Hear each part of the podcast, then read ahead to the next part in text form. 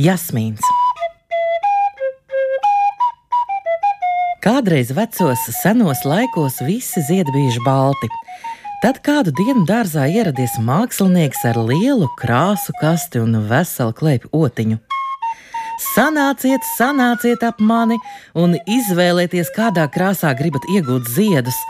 Viņš uzsaucis puķiem, krūmiem un kokiem, un tie arī mudīgi sastājušies rindā, lai ātrāk dabūtu sev spilgtākās krāsas.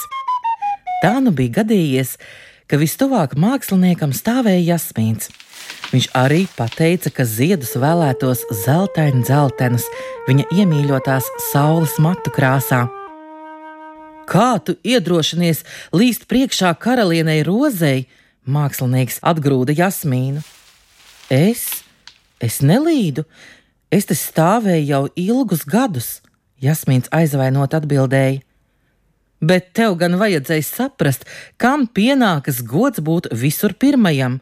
Par sodu tev jāpaliek pēdējam, un arī tad tu vēl mani krietni palūksies. Jūs maldāties, kungs, es neviena nelūkšos. Mākslinieks ilgi noņēmās ar rozēm. Kādas krāsas sev neizvēlējās lepnās karalienes, gan sarkanu, gan dzeltenu, rožainu un oranžu. Tikai zilu nevienu negribēja, tā esot tāda zemnieču krāsa. Tad no nu zilajā, lai tā nepaliktu pāri, mākslinieks nokrāsoja neaizmirstos un rudzu puķas ziedus, kaut gan tās vēlējās būt sarkanas, bet mākslinieks domāja, ka tādām lauciniecēm piestāvot zils, un tā jau arī ir. Magonis prata māksliniekam uzsmaidīt, un tāpēc viņš ar krāsām neskopojās, bet uztriepa tās biezā kārtā. Dālijas paglaimoja māksliniekam un glaimi bagātīgi atmaksājās. Viņš nostrādāja vairākas dienas, izkrāsotams tās visu krāsu vissīkākajās niansēs. Ļoti pazemīgs izrādījās platlapainais dadzis. Kad mākslinieks noprasīja, kādu krāsu šis vēloties, viņš atbildēja: Kādu kungs dos, tāda būs laba. Mākslinieks nokrāsoja viņa ziedus pelēkus un aptaujājās, vai dadzis esot apmierināts. Jā, kungs, jūs jau labāk zināt, kas kuram pienākas, un ja visi būs tik skaisti kā rozes, Kas tad skatīs rožu daļumu? Asais dacis bija uzstājīgāks un saņēma sārtus ziediņus.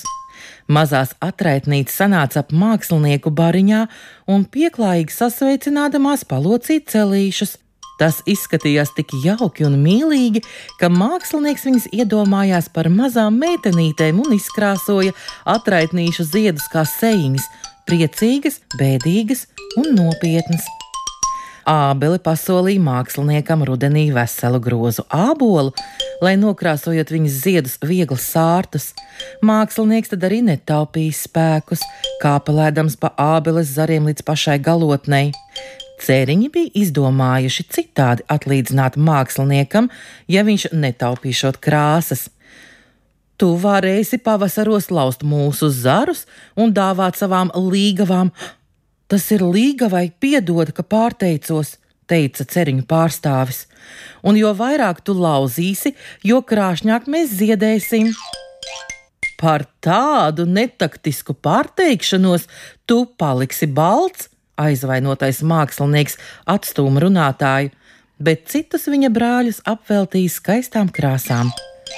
Piedenītes atnesa māksliniekam krūzīti bieza krējuma, un Jasmīnam atlika tikai noskatīties, kā zeltaini dzelteno krāsu, ko viņš bija izvēlējies.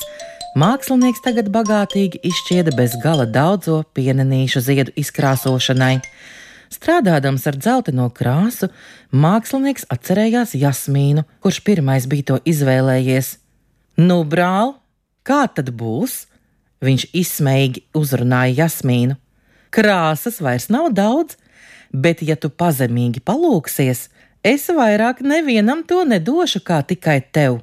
Es, es nelūkšos, Jasmīns spītīgi atbildēja. Kā tad tā? Vai tu nezini, ka lepns nabaks ir dievam pretinieks? Mākslinieku sāka kaitināt Jasmīna spītība.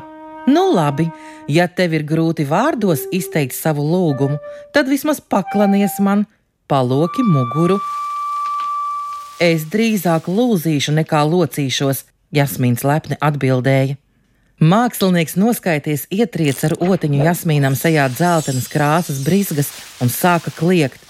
Kas tu tāds esi, ka negribi lūgties un locīties?